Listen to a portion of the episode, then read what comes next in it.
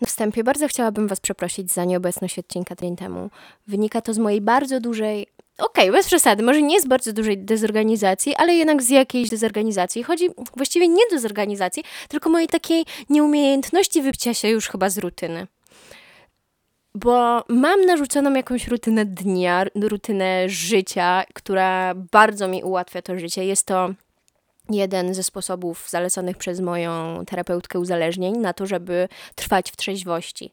Czyli każdy dzień z góry zaplanowany i mi to naprawdę pomaga. Ja nie pamiętam, kiedy ostatni raz w życiu miałam taką fajną rutynę, z której naprawdę jestem zadowolona. Wiecie, to nie jest taka rutyna, jak w dniu świstaka, że się budzę i nienawidzę tego dnia, tylko ja cieszę się z każdego elementu tej mojej rutyny, uwielbiam ją wykonywać. No ale jest to niestety związane też z tym, że ciężko mi ją złamać. I tak jak zazwyczaj odcinki nagrywałam w dni wolne od pracy, tak tydzień temu, kiedy miałam te dni wolne od pracy, przekazałam. Przeznaczyłam je na coś zupełnie innego. I chciałam odcinek dograć w dni, kiedy pracuję. Ale było to dla mnie nie lada wyzwaniem. Próbowałam, ja naprawdę siadałam praktycznie codziennie, środa, czwartek, piątek, sobota, chciałam coś nagrać, ale no było to dla mnie wykonalne. Więc jeszcze raz przepraszam Was, bo zdaję sobie sprawę z tego, że po prostu nie dotrzymałam słowa. W opisie jest jeszcze jest, jeszcze jest, że odcinki w każdą środę, choć przyznam, że chciałam już to usunąć i udać, że tego tam nigdy nie było i że będę w ogóle sobie teraz dodawała wtedy, kiedy ja mam na to ochotę. Ale też już trochę znając siebie, mogłoby to doprowadzić do tego, że, że ten podcast by zaraz gdzieś poszedł do Hasioka. I, I dlatego stwierdziłam, że ten opis tam zostanie a ja będę się po prostu uczyła na moich błędach i postaram się teraz tak organizować, żeby zawsze mi się udało chociaż raz w tygodniu ten odcinek mieć nagrany, a jeżeli nie, no to będę Was po prostu o tym informowała. Niemniej jednak będę starała się będę starała się kontynuować plan, który założyłam sobie kilka tygodni czy tam miesięcy temu. Jedno potknięcie nie skreśla tego wszystkiego. Więc jeszcze raz naprawdę Was bardzo przepraszam, bo bo wiem, że kilka osób czekało, tak, na ten, na ten odcinek. No, bardzo mi jest miło w ogóle. Nie wiem, ja się boję, że zaraz mi naprawdę uderzy woda sodowa do głowy. Ja jestem pierwszą osobą, której mogłoby odwalić od słowa. Do mnie napiszą dwie osoby, że hej, gdzie jest odcinek? I ja już sobie myślę, o kurde, żyć bez mnie nie mogą.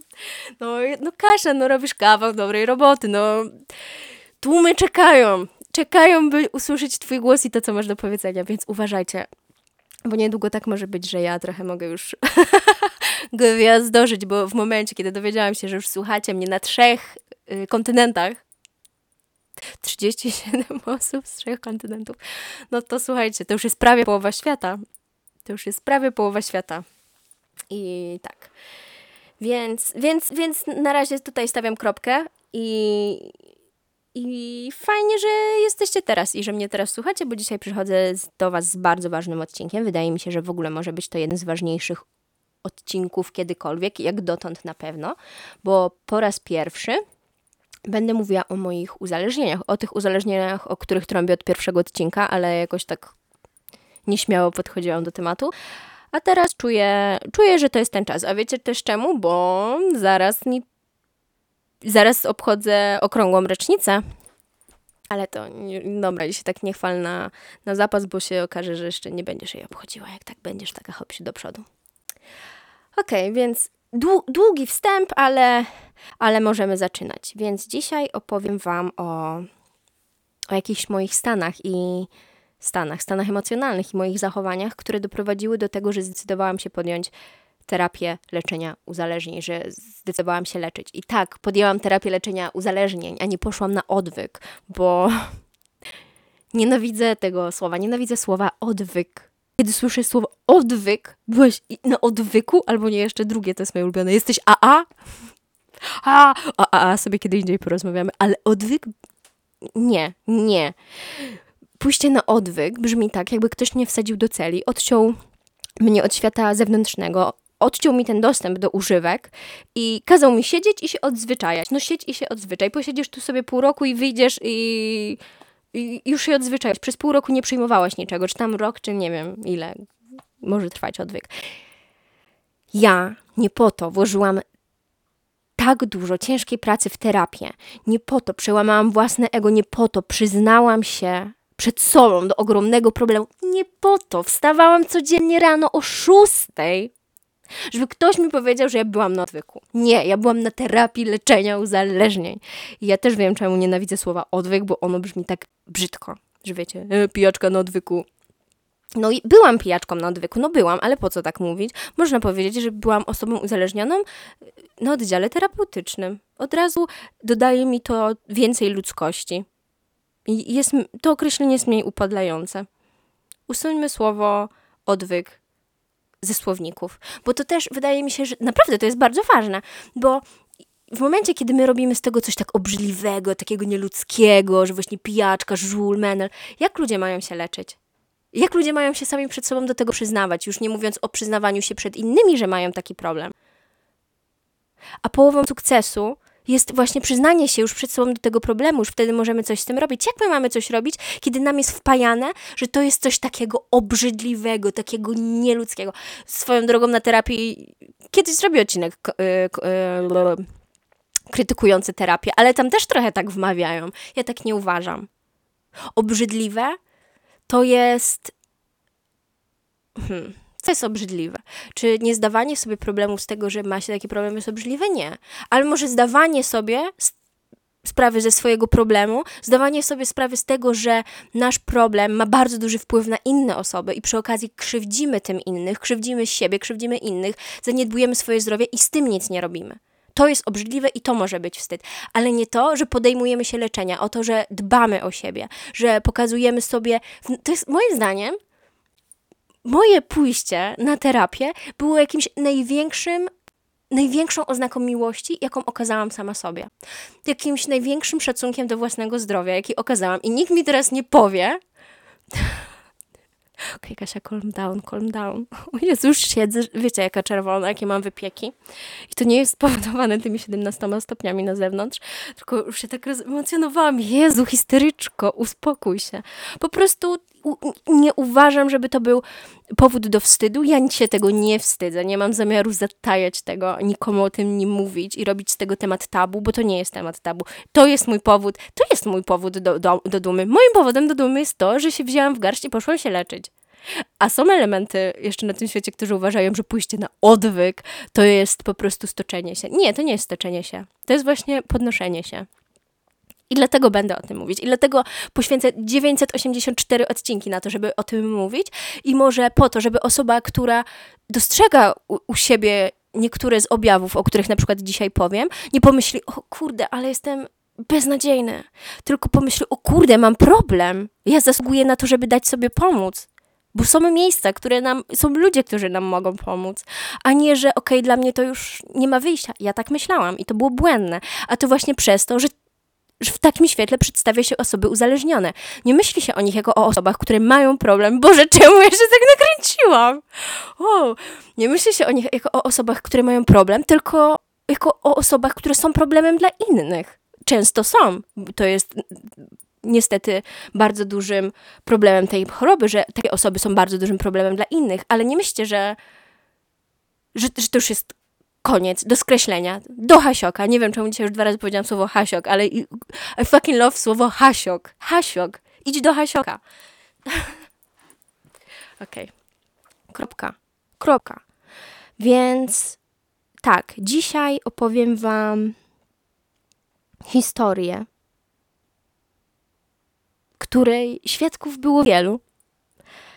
Jednak z mojej perspektywy te historie znają nieliczni opowiem Wam o tym, jak sama odkrywałam to, że mam problem z alkoholem i z marihuaną, bo to jest moje drugie uzależnienie. Ale oczywiście gdzieś jeszcze w, w międzyczasie pojawiały się inne używki.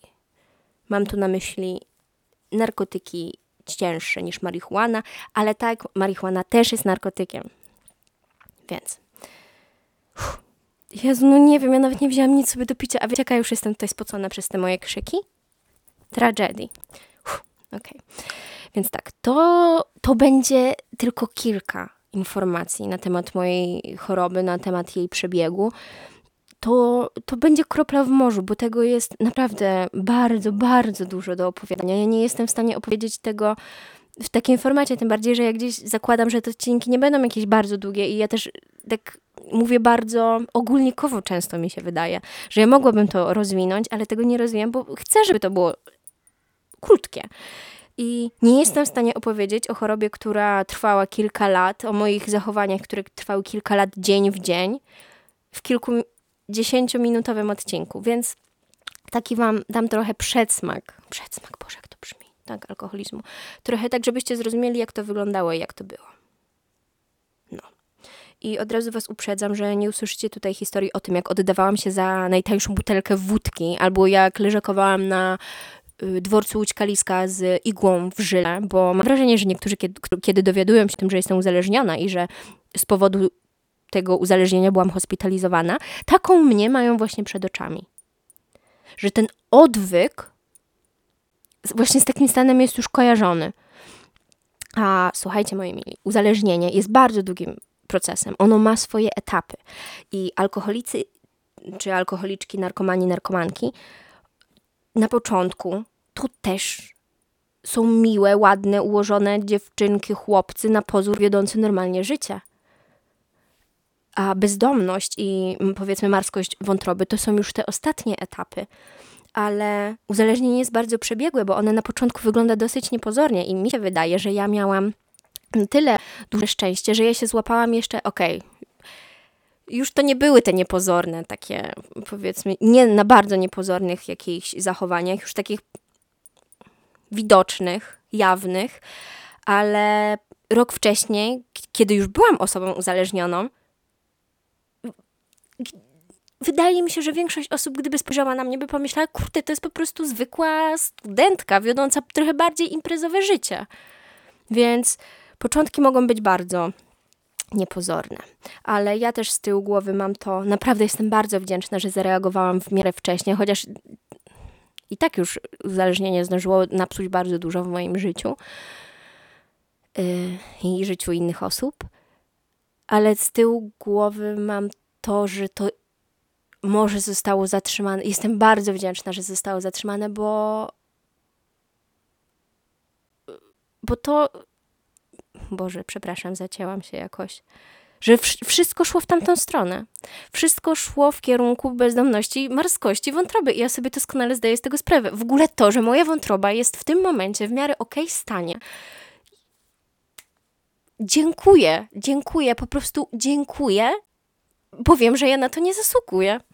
Znaczy nie zasługuję, może zasługuję, nie można tak mówić, że ja na coś nie zasługuję, ale po wszystkim, co sobie zrobiłam, robiłam przez lata, to w jakim stanie są teraz moje organy, byłabym głupia, gdybym teraz z tego nie skorzystała i ich nie sprzedała. Przestań. Okej. Okay. Okay, przechodzimy. Przepraszam, jest mi tak gorąco że nie mogę się skupić. Jest mi trudno i siedzę na podłodze i mam jakoś tak nogi podwinięte. Okej, okay, spróbujemy. Zaczynamy, opowiadam o wszystkim. Wydaje mi się, że w ogóle ciężko mi wyłapać jest jakiś taki moment przejściowy, kiedy z takiego w miarę, w miarę normalnego imprezowania, tak jak już wcześniej powiedziałam, to przerodziło się w uzależnienie. Ale wydaje mi się, że z jednym takich pierwszych sygnałów, które mogłam wyłapać, których oczywiście nie wyłapałam, absolutnie to zignorowałam, było nadanie alkoholowi zupełnie nowego znaczenia. Chodzi o to, że na przykład, kiedy wcześniej spotykałam się z znajomymi, o, dajmy na przykład, dajmy na przykład, na przykład? Nie, dajmy na przykład. Daję teraz coś na przykład. Przykład. Oni nie, o, podaję przykład. Po prostu przestań, nie, nie mów tego dalej. Kiedy miałam 17 i 18 lat i już zaczynałam pić, powiedzmy w weekendy, czy tam co drugi weekend, to wtedy chodziłam do klubów. Mieszkałam wtedy w Irlandii i to była nasza tradycja chodzenie do klubów. I wtedy moją głównym motywem chodzenia do tych klubów nie było to, żeby tam pić. To był jakiś dodatek. Wtedy najważniejsze, numer jeden na tapecie to było i Jestem pewna, że nie tylko u nas takie tradycje panowały, że szło się do klubów i całowało się po prostu ze wszystkimi znajomymi, a w tle leciał Ed Sheeran. I nie mówcie mi, że tak nie było. U was też w Polsce, bo ja pamiętam, ja byłam na jednej takiej imprezie lica, no licealnej chyba, gdzie byli ludzie niepełnoletni i ja też pamiętam, jak po kątach. Ale nie chyba tam nie leciały Sheeran wtedy. Tam chyba inna muzyka leciała. W każdym razie tak. W ogóle jak zaczęłam sobie o tym myśleć przed nagraniem odcinka, to mnie tak skręciło na myśl o tym. Ale no każdy, znaczy no nie każdy przechodził przez swoją wieśniarę Explosion 2000 era, ale no ja tak miałam. I to jest część bycia nastolatkiem. Tak uważam. No, na szczęście zakończyłam z tym. No, zako- no, na szczęście właśnie może lepiej już było przy tym zostać. Bo przerzuciłam się na coś innego. Tak jak powiedziałam, ja wtedy spożywałam alkohol, ale ja na przykład wtedy się nie upijam. Ja nie miałam czegoś takiego, że szłam na miasto i się upijam i byłam bardzo pijana, ojej. Ja szłam, kupowałam sobie piwo albo, nie wiem, jakąś setkę wódki, napiłam się, pocałowałam i wracałam do domu i dziękuję. I następnego dnia ja nie myślałam, o, ile wypiłam, tylko wow, z iloma osobami, a w ogóle z kim? Boże, przestań, to jest okropne. Oczywiście nie, nie, kropka, już nie, nie mówimy o tym, nie mówimy o tym, zachowaniu się jako nastolatka. Wiecie, co było w tym wszystkim najgorsze? Że dosłownie my wszyscy ze sobą chodziliśmy do jednej klasy. Bo w Irlandii to nie, jest, nie ma takiej jednej bazowej klasy, tylko masz przedmioty z różnymi osobami. No i po prostu myśleliśmy i jakby wiecie, od poniedziałku do piątku chodzimy sobie razem do szkoły, la, la, jest normalnie, a w weekend dzieje się wszyscy całujemy. Piękne czasy, to były piękne czasy. Kiedyś to się miało życie towarzyskie, nie to co teraz. Ale w pewnym momencie właśnie ja chodziłam już w różne miejsca, spotykałam się z ludźmi, głównie po to, żeby pić. Tak jak sobie wspominam, to pić i jarać zielsko. Czy palić marihuanę. marihuanę. Tak jak sobie przypomnę, moje powiedzmy spotkania ostatnie, no nie ten rok, teraz to był tylko ten rok jeszcze przed tym rokiem, dwa lata temu, to wydaje mi się, że głównym motywem spotykania się z większością osób była wspólna konsumpcja używek. I to jest przykre. Na przykład i wiecie, i kiedy podczas tych spotkań na przykład nie dochodziła do tego, że ja tam piłam albo paliłam, ja byłam zła, ja byłam zdenerwowana, to we mnie budziło dla mnie to był prawdziwy powód do nerwów. Na przykład pamiętam jak, o Jezu, okej, okay, dobra. Teraz robię... Opowiem o jednej sytuacji, o której ludzie, którzy tam byli, może nie wiedzą, albo wiedzą, a udawali przede mną, że nie wiedzą. Okay. Więc jakieś, to chyba było dwa lata temu, kiedy zaczęłam chodzić na mecze żużlowe. Okej, okay, może wyłącznie byłam na jakichś dziesięciu, ale zdarzało się. I kocham, kocham, kocham, kocham żużel, kocham orłę łódź, ale nienawidziłam na tym stadionie tego, że ja tam nie mogłam się nachlać. Ja tego nie znosiłam w tych meczach. I wiecie, i to jest tak, że ja teraz o tym wiem, ale wtedy to dla mnie to nie było takie jawne. Ja wiedziałam, że ja tam siedziałam i ja byłam wściekła, ale ja nie wiedziałam z jakiego powodu. A powodem było to, że na stadionach sprzedają piwo, które ma 2%. I ja wtedy, kiedy już byłam w czynnym uzależnieniu, ja tymi dwoma procentami, no jak bardzo bym chciała, ja nie mogłam się upić. Wiecie, gdyby to było jawne, gdybym ja wiedziała, że ja mam z tym problem, że ja muszę być pijana, to ja prawdopodobnie już bym tam pijana przychodziła, albo bym sobie coś innego brała. Ale ja wtedy tego nie kojarzyłam z tym. Ja po prostu wiedziałam, że jestem wściekła. Jestem wściekła i coś jest, coś jest nie tak. Coś jest nie tak. To wcale nie były wyniki meczu. Haha. To, że Łódź. Yy, tak. I pamiętam, że po jednym z takich meczu, po którym i tak wszyscy, byliśmy jakąś większą grupą znajomych, i tak wszyscy szliśmy potem do baru, żeby pić. W momencie, kiedy już opuściliśmy stadion i niektórzy wybili bardziej do przodu, ja gdzieś zatrzymałam się bardziej z tyłu, szłam w tle. No i pomyślałam, no ja muszę wejść do tej żabki. I słuchajcie, ja weszłam do żabki i ja nie pamiętam, czy to była setka wódki, czy nawet dwusetka wódki. I ja to wypiłam na raz. Znaczy, wiecie, to nie tak, że to wow, wypiłam to na raz, bo ja to robiłam codziennie. Ja codziennie te setki wypiłam na raz. Yy, tylko, że ja musiałam to zrobić. Ja nie wiedziałam. Po prostu jeszcze do mnie nie docierało to, że ja byłam na głodzie alkoholowym, że ja byłam zanerwowana tym, że ja tam nie wypiłam. Ja musiałam, mimo tego, że wiedziałam, że za jakieś 10-15 minut ja i tak wypiję coś, to ja już musiałam w tym momencie. W, w pierwszym momencie, kiedy miałam dostęp, żeby coś wypić, ja już musiałam. No i, no i podejrzewam, że wtedy mi to pomogło. Więc, więc tak, moi znajomi, którzy byli tam ze mną, No nie wiem, może wiedzieliście o tym, tylko już nie komentowaliście. Bo zaczęliście potem komentować, ale to zaraz, zaraz do tego dojdę. Kolejnym sygnałem, który oczywiście gdzieś z jednej strony wiedziałam, że to nie jest ok, bo próbowałam to kontrolować, ale też trochę przyjmowałam to za jakiś mój sposób bycia, za mój styl życia, było to, że ja w przeciągu miesiąca na dłoniach jednej, na dłoniach, na palcach nie, na palcach jednej dłoni mogłam zliczyć moje trzeźwe dni. I nawet to pewnie nie było tych pięć palcy. To mogły być trzy palce. I mam tu na myśli takie, taki 100% trzeźwości, bo mi się wydawało, że trzeźwość to jest na przykład jak ja jednego dnia wypiję, jak przez cały dzień wypiję tylko jedno piwo, no to dla mnie też był trzeźwy dzień. Że ja wtedy uważam, że trzeźwy dzień to jest taki, w którym nie jestem pijana. Bo ja na przykład mogłam pić, bo już miałam taką podwyższoną tolerancję, że na przykład powiedzmy szłam na piwo, wypiłam trzy piwa i ja byłam trzeźwa i dla mnie to było ok, ok, dzisiaj jestem trzeźwa. Albo piłam tylko piwo, a nie piłam wódki, to też byłam trzeźwa a tak naprawdę takich dni trzeźwości, trzeźwości było bardzo mało i to zazwyczaj nie wiązało się z tym, że ja nie chciałam, nie miałam ochoty, tylko na przykład jechałam na weekend do rodzinnego miasta. Albo spędzałam ten dzień, no powiedzmy, właśnie z rodziną. I to był tylko jedyna motywacja do tego, żeby nie pić. No. S straszne. Obrzydza ob obrzydliwe. No i. I co, co, co się stało? Co, kiedy coś zaczęło świtać w mojej głowie, że to nie jest ok. Wydaje mi się, że to było jakoś 3 lata temu. Mieszkałam wtedy jeszcze na gazowej. To mogło być 3 lata temu. Po raz pierwszy raz zrobiłam test na. Podejrzewam, że to były same quizy albo coś takiego. Jakiś quiz zrobiłam. Wpisałam w internet. Wpisałam w internet, jak to brzmi?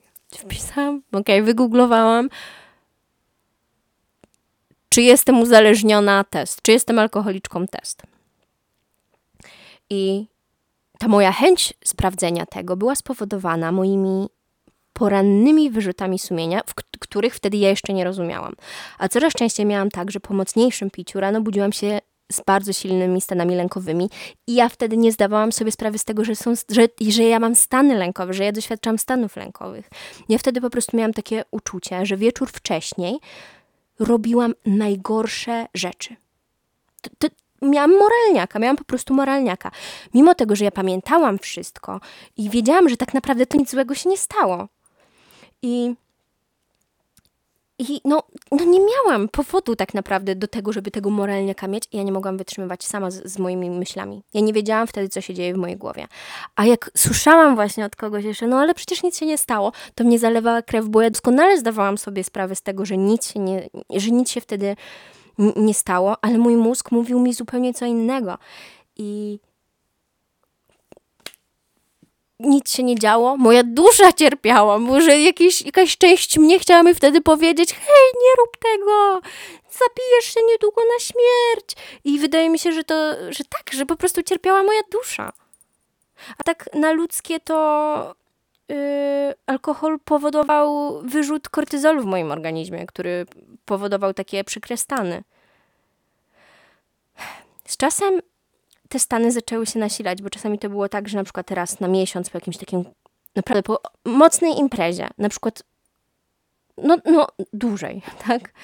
Bardzo źle się czułam następnego dnia, yy, ale potem to stało się nasilać i w pewnym momencie, znaczy nasilać, zaczęły się częściej pojawiać i w pewnym momencie to stał się dla mnie stan permanentny. I tak naprawdę jedyną ulgą, jedynym czymś, czym mogłam sobie pomóc, było jak po wstaniu, po obudzeniu się z tym beznadziejnym stanem po raz kolejny, wypiłam więcej albo na przykład zapaliłam jointa. Tak powstają ciągi alkoholowe. Że musiałam zapijać to złe samopoczucie. I w pewnym momencie wpadłam w takie błędne koło, że czułam się źle, bo piłam, bo już do mnie gdzieś docierało, już wiecie, robiłam te quizy, że hej, może jednak jestem alkoholiczką, jest mi z tym źle. Ale jednocześnie przez to, że czułam się źle, ja piłam, bo to sprawiało też, że chociaż na chwilę czułam się lepiej. I tak naprawdę o tym, że to moje całe imprezowanie, to moje picie, palenie jest złe, pomyślałam dopiero wtedy, kiedy zaczęłam popadać w stany depresyjne, kiedy, kiedy to już dla mnie nie było śmieszne, już nie było nagle taka cała otoczka tego, wiecie, młodego życia, imprezowanie, luz, zabawa, znajomi, to gdzieś nagle to gdzieś zniknęło.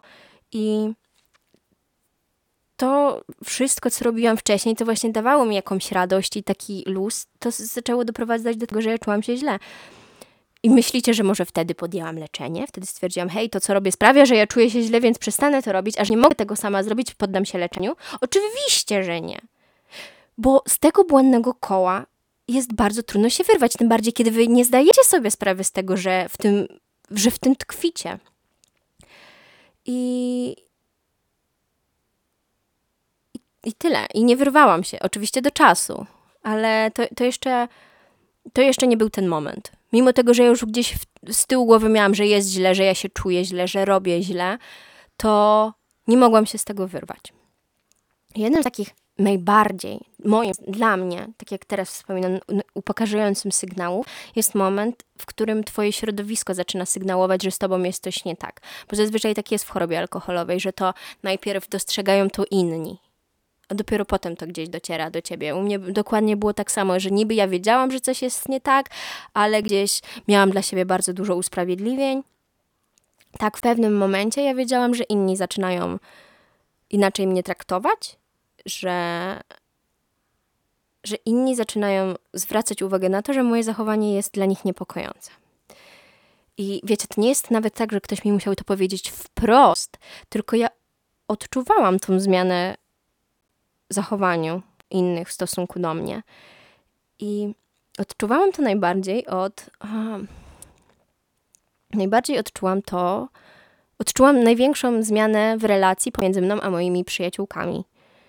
I w tamtym momencie, przez tą zmianę, którą ja już czułam, ja wiedziałam, co one myślą, ja wiedziałam, co ja myślę. Wiecie, to było takie napięcie gdzieś budowane tym, ja wtedy zaczęłam się od nich oddalać, zaczęłam ich unikać, dlatego że było mi wstyd, bo no nie mogłam im patrzeć, ja po prostu nie mogłam im patrzeć w oczy, bo bałam się w ogóle z nimi spędzać czas, bo nie chciałam kon konfrontacji, bo ja wiedziałam, że mam problem, ale nie chciałam, żeby ktoś powiedział mi w oczy, że on też to widzi, bo dopóki ja o tym nie wiedziałam, znaczy wiedziałam, ale nie mówiłam, to było jakieś takie mniej poważne. Ale one wiedziały. One to widziały, przede wszystkim widziały. I to było najgorsze.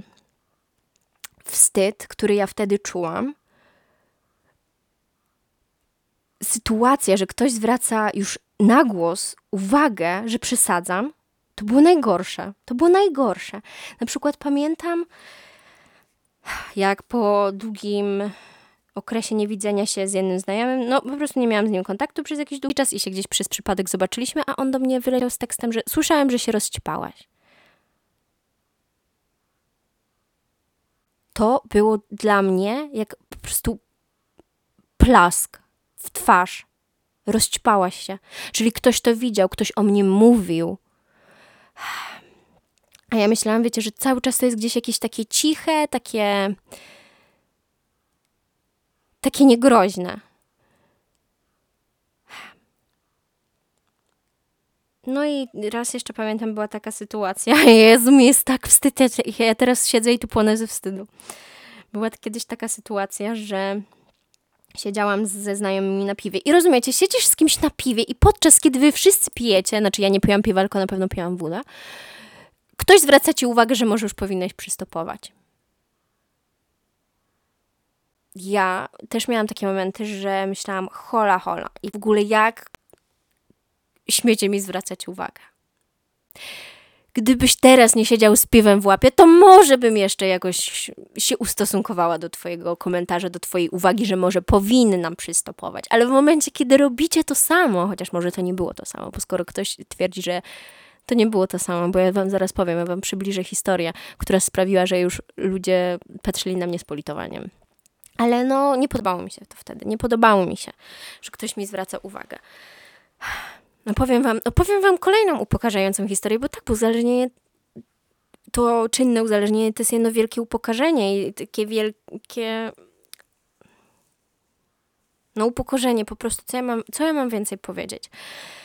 Skoro i tak już tak oversharinguję, to wam opowiem tą historię, dzięki której możecie zrozumieć jeszcze bardziej, jak to wszystko wyglądało. Więc to było, no, ponad rok temu. Pracowałam wtedy jeszcze jako barmanka i często po zmianie zostawałam na mieście, na, żeby po prostu pić.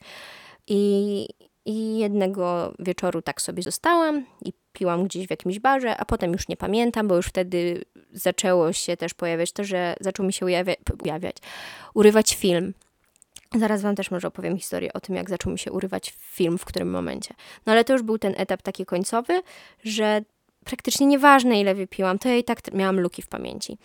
I obudziłam się rano u siebie w mieszkaniu, oczywiście pijana, bez torebki, nie miałam torebki. Na szczęście miałam ze sobą, przy sobie telefon i miałam wtedy tendencję do nagrywania filmików. Cały czas to robię, cały czas jestem vlogerką. I wtedy też nagrywałam cały czas po prostu filmiki i miałam na telefonie filmik, na którym widać, że siedzę pod TVP w Łodzi, a w tle jest moja torebka. Więc ogarnęłam się trochę, pojechałam tam i spotkałam tam trzech panów, których na początku filmiku o, o, określiłabym mianem żuli. Znaczy tak użyłam takiego słowa żula, oczywiście nie, nie zgadzam. Znaczy no, wiecie, mówię tak, żebyście wiedzieli o co chodzi. Teraz chcę być taka poprawna politycznie, że nikogo tak nie nazywam żulem. No ale stało tam trzech czy czterech panów żuli, a w rękach przebierali sobie moje rzeczy z mojej torby i sobie oglądali, gadali. Ja przyszłam, mówię, o, dzień dobry, to chyba moje. Ha, ha, ha, wiecie, jeszcze wtedy byłam w tym wszystkim taka rozbawiona. Dla mnie to było komiczne w ogóle, co się teraz dzieje. Przyszłam odebrać moją torbę od żuli. Ha, ha, ha. I ja wzięłam, zabrałam te moje rzeczy. Oddali mi miło, w ogóle nic nie ukradli, ale na koniec skwitowali mnie takim zdaniem, że do picia to też trzeba mieć głowę. Rozumiecie to? W Łodzi ja już nawet byłam, nawet już żulem nam gardzili i mówili mi, że ogarnij się. Może to były moje anioły stróże. Nie wiem, ale no były, były, czy mi to coś dało? Nie, bo poszłam zaraz z tą torbą, poszłam do baru, chlać dalej i opowiadając, w ogóle chwaląc się ludziom tą moją całą historią. I ja nie dziwię się wtedy, że ktoś powiedział, hej, może ty już przystopuj dziewczyno. To w ogóle nie jest śmieszne, upadlasz. Ja, ja w ogóle, wiecie co, szkoda, że nikt mi tego nie powiedział, ja tego bardzo unikałam, ale może gdybym ja wtedy powiedziała, dziewczyno, upokarzasz się. Jesteś żartem. W, ludzie, w oczach ludzi wyglądasz śmiesznie to, co teraz z tobą, ze sobą robisz, to nie jest zabawne. Nie jesteś fajna, śmieszna i luźna. Jesteś nieogarnięta. Może gdyby ktoś mi tak powiedział, to bym się popłakała, ale nie wiem, może to by faktycznie trafiło do mojej głowy, bo na tamten moment jeszcze nie. Słuchajcie, nadal nie, nadal w moim głowie nie było tego, hej, jest źle, idź się, będzie w ucho leczyć. Ale pewnego dnia coś mnie naszło. Ja naprawdę teraz już nie pamiętam, jaki był powód, czy Wydaje mi się, że byłam już w tych takich bardzo silnych stanach depresyjnych i one po prostu mi nie pozwalały dalej żyć. Ja już tak dalej nie mogłam. I wtedy nastąpił przełom i powiedziałam moim przyjaciółkom, powiedziałam moim przyjaciółkom, że, że chcę się leczyć, że chcę iść do jakiegoś ośrodka, gdzie uzyskam pomoc. I do dzisiaj, ja nie wiem, czy ja mogę to mówić. Nie, Kurde, dobra, okej, okay, zanim to dodam, to skonsultuję to z moimi besties. Ale dla mnie to jest jeden z naj, najnędzniejszych w, w ogóle obrazów mojego całego życia. To jest gorsze niż jakieś Dobra, nie chodziłam po melinach, ale powiedzmy, ja melinami nazwę aftery, na których byłam u jakichś obcych ludzi, których nie znałam i po prostu wszyscy byli jacyś wystrzeleni. To było nędzne, ale nędzniejsze było jeszcze wtedy to, ten moment, kiedy ja powiedziałam tym moim przyjaciółkom o tym i ja podejrzewam, że albo byłam jakaś na jakimś zjeździe i ja nie wiem, czy to był zjazd alkoholowy czy narkotykowy, czy po prostu ja już byłam w takim, wiecie, permanentnym zjeździe trochę wtedy, że się po prostu źle czułam. Nie pamiętam, jak było dokładnie. I i moja przyjaciółka w ósmym albo siódmym miesiącu ciąży, czyli już takim, widzicie, że ta osoba jest w ciąży, dzwoni do Monaru i pyta się o miejsce dla mnie. Bo tak, bo ja miałam odwagę, żeby żeby pić i ćpać, ale nie miałam na przykład odwagi, żeby zadzwonić do jakiegoś ośrodka. I ja pamiętam, już tam, już, już mogłam iść, już były plany, już jakieś tam konkretne inne ośrodki też były szukane, już było tak planowane, już miało być tak super. I to potrwało dosłownie kilka dni. Ale pamiętam, że to był właśnie taki pierwszy moment, kiedy ja przyznałam przed kimś, że mam problem, że ja czuję to, że mam problem, że jest źle i nie spotkałam się z tym, czego się trochę wcześniej bałam, właśnie jakiegoś takiego pogardy, tylko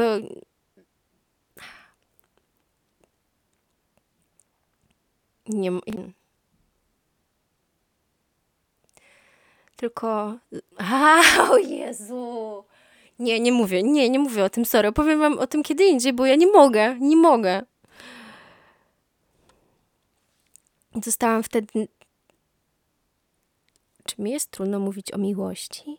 Czy ja teraz przez gardło mi nie może przyjść, że ja dostałam wtedy bardzo dużo miłości i właśnie akceptacji, a nie dostałam takiego kopa w dupę, który, na który w sumie tak cały czas myślałam, że dostanę? Ale wtedy to był właśnie ten moment, kiedy pierwszy raz pokazałam swoją bezsilność wobec tego wszystkiego. I czy wtedy poszłam się leczyć? No, już wiecie, że nie. Nie, nie poszłam się wtedy leczyć. Dla, nadal nie. Nadal nie poszłam się leczyć. A wiecie czemu? Bo pomyślałam wtedy, że może tak naprawdę to ja nie jestem uzależniona. Że może ja po prostu przestanę pić i jarać. I w ogóle przestanę łazić na tą Piotrkowską. I to wszystko było przez tą Piotrkowską. I ja sobie udowodnię, że ja, ja mogę to odstawić. Po co ja mam się sama w ogóle autodiagnozować i wysyłać się do zamknięcia na 12 miesięcy, bo to wtedy były grane ośrodki takie długoterminowe. Czemu ja mam to robić? Ja po prostu przestanę pić, hola. To nie może być takie trudne. Po prostu muszę znaleźć w sobie silną wolę. I uwaga, udało mi się, udało mi się. Byłam trzeźwa chyba z tydzień, może nawet nie, bo to było też trochę takie oszukiwane znowu y, trzeźwość, że na przykład, no faktycznie nie, nie chlałam, nie piłam, ale no wypiłam sobie, ja pamiętam pierwszego dnia w Berlinie y, dwuprocentowe piwo. No ale no trzeźwa, no mega, kaś, zajebiście, zajeb w ogóle mega trzeźwa jesteś, nie masz żadnego problemu. Potrafisz wypić jedno piwo i się powstrzymać. A oczywiście po kilku dniach wróciło wszystko od nowa. Identycznie, było identycznie. Dalej było chlanie, jaranie, płakanie, użalanie się. Było źle. I więc co, co takiego musiało się stać, że po tylu latach niszczenia sobie życia, zdrowia, jednak mimo wszystko ja trafiłam na tą terapię uzależnień jakoś. Teraz się dowiecie, uwaga.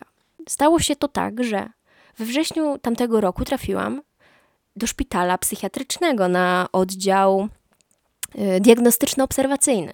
I uwaga, otrzymałam w końcu, bo ja wcześniej też myślałam, że właśnie, że ja się autodiagnozuję. Hello, nikt, żaden profesjonalista, psychiatra mi nie powiedział, że jestem właściwie uzależniona. Ja po trafieniu do szpitala już pierwszego dnia, już po pierwszej rozmowie, i chyba zanim w ogóle trafiłam do tego szpitala psychiatrycznego, to już w innym szpitalu były podejrzenia, że, że jestem uzależniona.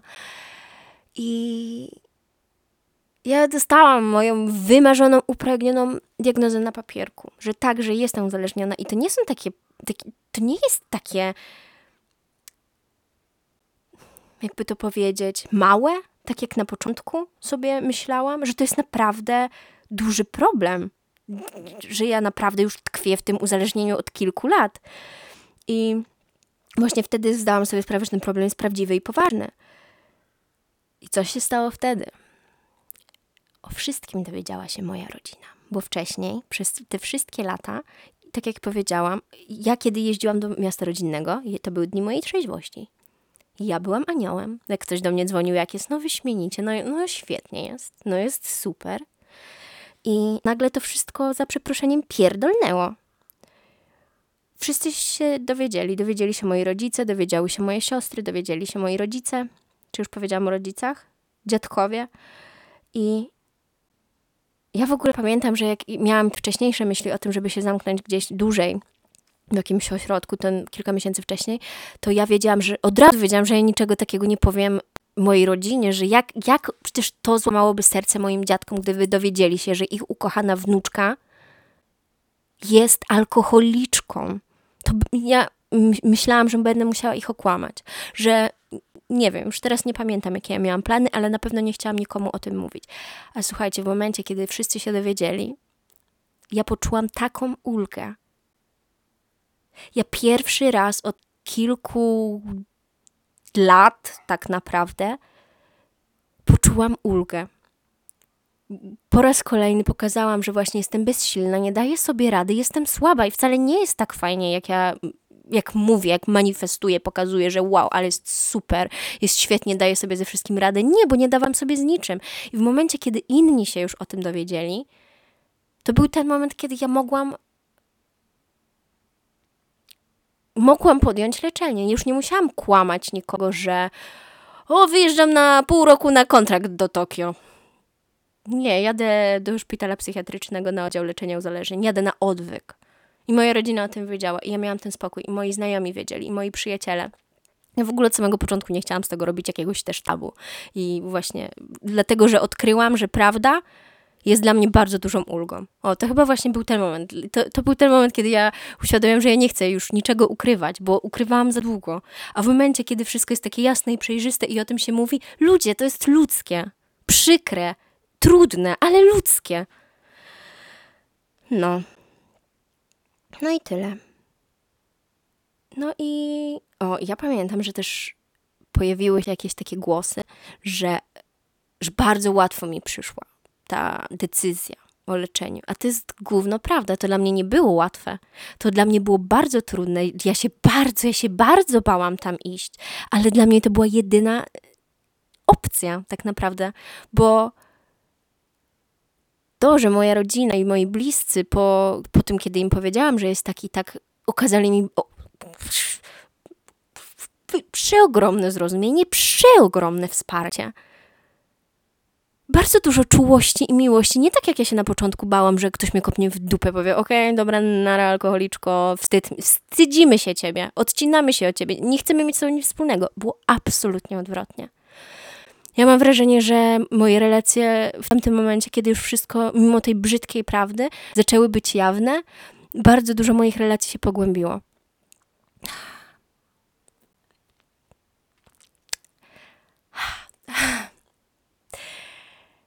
I, I tak naprawdę to tak, wiecie, też takie gadanie, że o, dbam o moje zdrowie, w końcu zaczęłam się szanować i dlatego zdecydowałam się na, na, na leczenie. Główno prawda. Prawda jest taka, że na początku moją jedyną tak naprawdę motywacją, moim jedynym powodem, dlaczego dla mnie to w ogóle nie zastanawiałam się nad tym, tylko wiedziałam, że muszę to zrobić, był strach przed tym, że, że zostanę sama. Był bałam się tego, że nie, ja się nie bałam, ja wiedziałam, że okej, okay, teraz mi okazali bardzo duże wsparcie i teraz są ze mną i, i wiem, że i wiem, że są, ale w momencie, kiedy powiem, wiecie co, jednak w dupie mam to leczenie, idę dalej na Piotrkowską. Oni mogliby wtedy, mieliby największe prawo do tego, żeby powiedzieć, wiesz co, to idź.